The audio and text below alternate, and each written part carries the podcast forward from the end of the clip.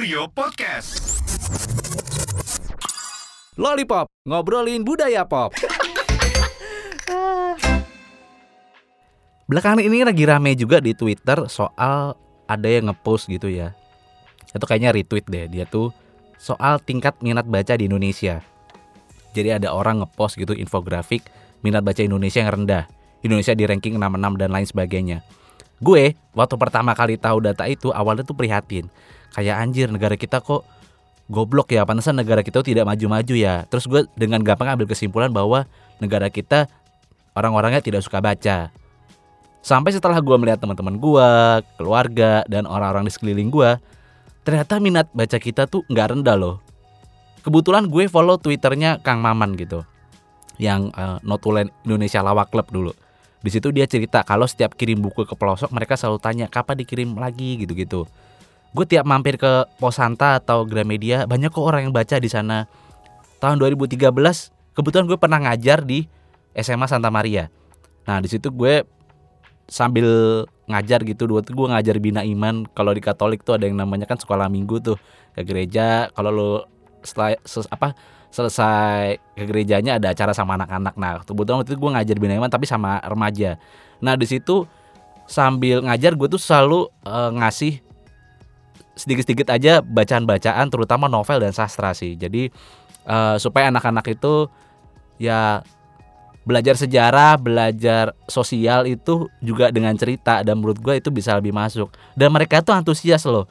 Kayak mau dong kak uh, kasih referensi novel bagus gitu yang yang kalau bisa yang nggak berat atau misalnya tapi boleh deh yang agak bahasa agak susah gitu. Dan mereka tuh mau mau apa ada yang cerita sama gue ketika baca sastra nggak ngerti akhirnya googling juga istilah ini maksudnya apa sampai segitunya. Itu kan artinya mereka tuh punya minat baca juga. Jadi data-data seperti itu kayaknya mesti dipertanyakan keabsahannya. Menurut gue setelah gue melihat fenomena yang ada, sebenarnya bukan minat baca yang rendah, tapi akses bacanya yang rendah. Terlepas dari baca lo apa ya, mau itu teen lit, mau itu, mau itu chick lit atau lain sebagainya.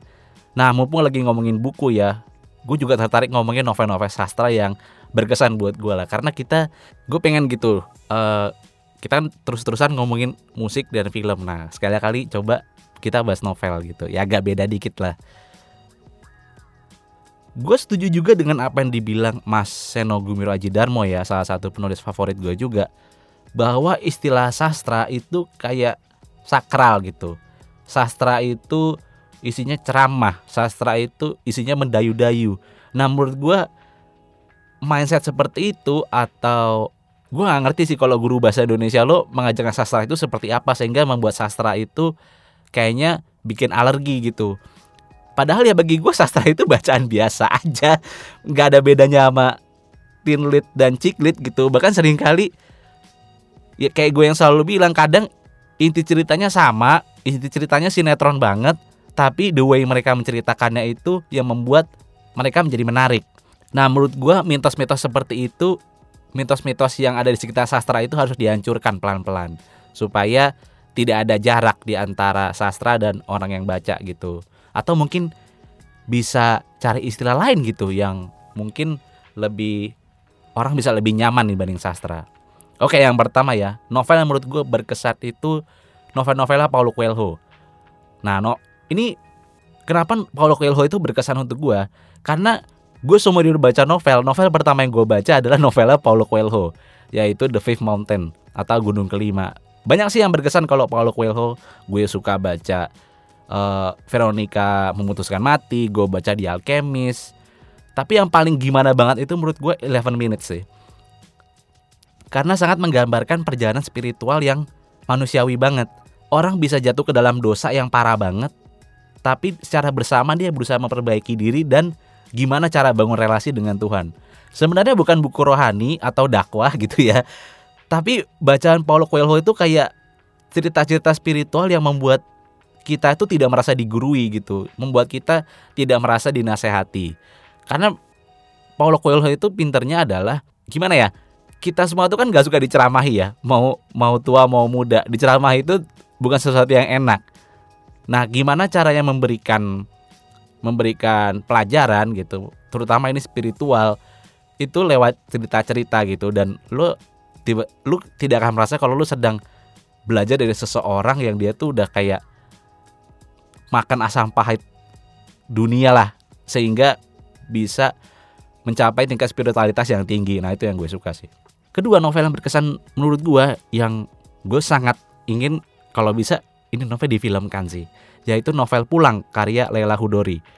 Bukan yang Terela ya kan Terela juga ada tuh novel pulang. Nah tapi bukan yang itu. Ini yang karyanya Mbak Lela Kudori itu ceritanya tentang reformasi 98 jadi amat sangat relevan kalau lu pengen belajar sejarah Indonesia daripada lo baca buku-buku paket pelajaran pastinya kan kita tahu kalau pemerintah suka memelintir sejarah terutama soal orde baru terus 65 segala macem nah kenapa gue sangat menekankan untuk baca novel ini Pertama-tama itu supaya rezim otoriter itu tidak terjadi lagi.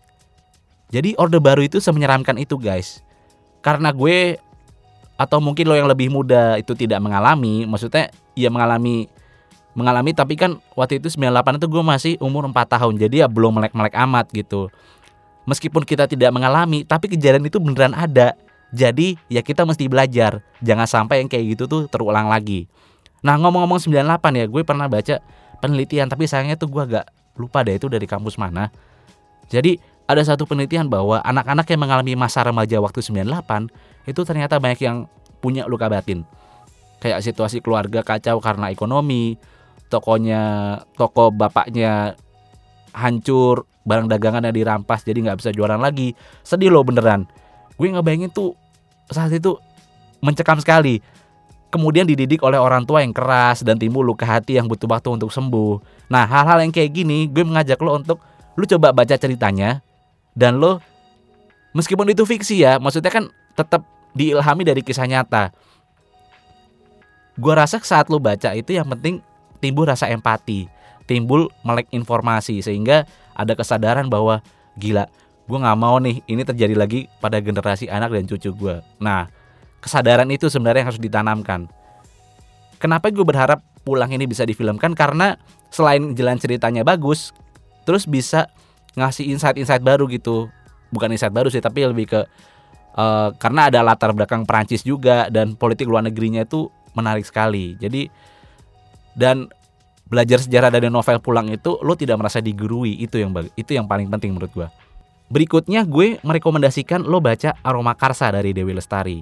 Ini penulis idola gue juga nih Mbak Dewi Lestari. Novelnya itu cerita tentang parfum dan bau. Jadi lo akan disuguhkan bagaimana menikmati bau lewat tulisan. Lucu ya, tapi bisa loh. Sangat relate sekali dengan situasi terkini, jadi ada dongeng dan mitosnya juga. Bagus banget pokoknya novel ini. Pacar gue gue kasih aroma karsa tuh kayak, wah seneng banget kayak, aduh pilihanmu selalu tepat untukku ya gitulah. Tapi ngomongin Mbak Dewi Lestari kan kebetulan gue baca novelnya dia tuh yang terbaru Rapi Jali gitu.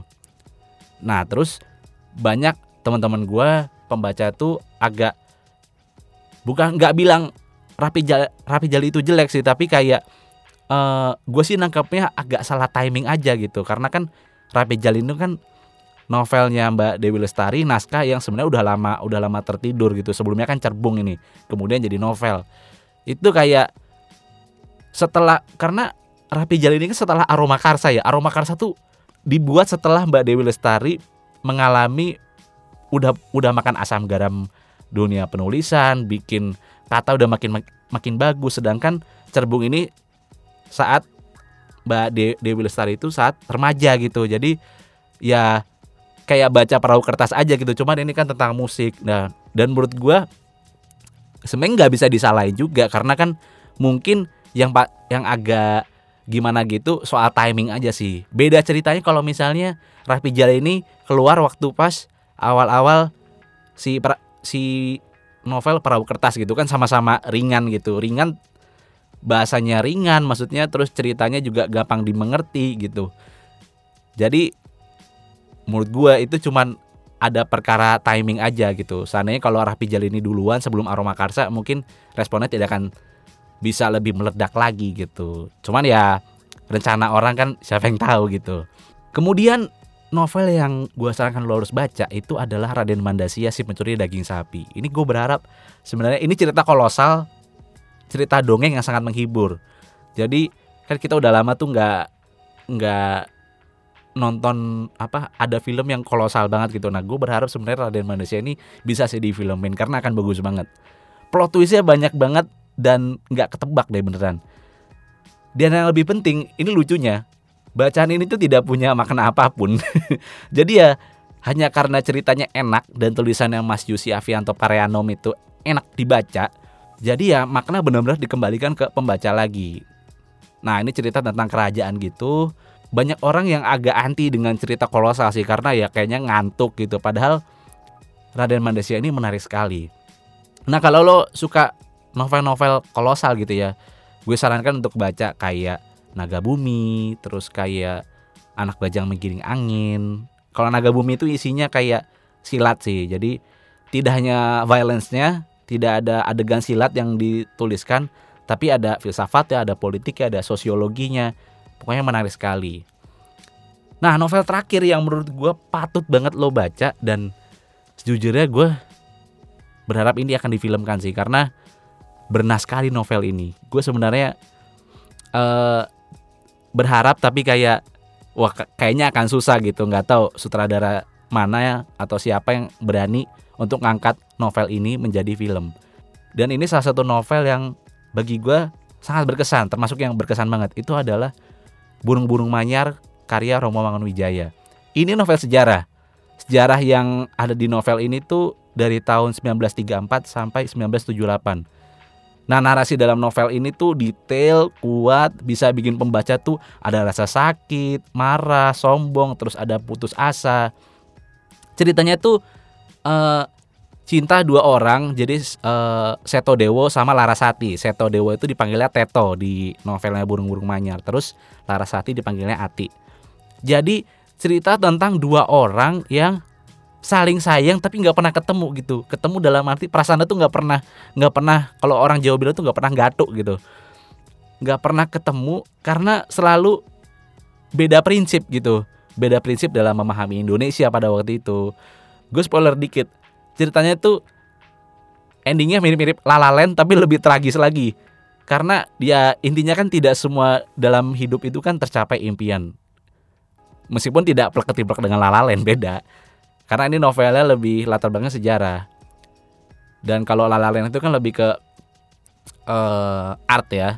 Gimana dua orang punya cita-cita gitu. Ini dua orang ini punya cita-cita juga tapi berhubungan sama kepentingan negara gitu. Jadi ketika dua-duanya situasi di sekitarnya itu tidak memadai akhirnya cinta mereka tuh nggak ketemu gitu. Dan akhirnya beneran bikin lo sedih gitu. Nah dulu waktu pas gue belajar bahasa Indonesia guru gue ada namanya Pak Gunawan salah satu guru idola gue itu bilang gue nanya kenapa namanya burung-burung manyar? gitu.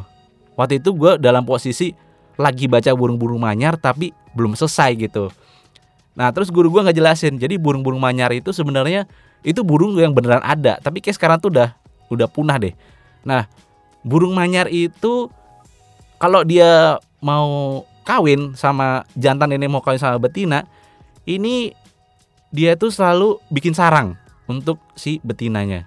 Jadi bikin sarang, bikin sarang. Jadi siapa pun yang bikin sarang, kalau misalnya betinanya itu uh, dia nggak minat, dia kan dia akan ya udah ngediemin aja sarang itu dan si jantan ini akan berusaha untuk dia ngancurin lagi sarang itu, bikin lagi yang baru supaya si betina ini sampai betina ini minat gitu. Nah itu sebenarnya ada ada nilai yang apa ada semiotika yang mau diangkat sebenarnya. Jadi ada seseorang yang berusaha untuk mendapatkan lo tapi gagal mulu gitu loh. Dan itu salah satu analogi yang sangat bagus dari penulis idola gue yaitu Romo Mangun. Nah alright gitu aja. Ini udah makin ngalor ngidul nih kalau udah ngomongin buku.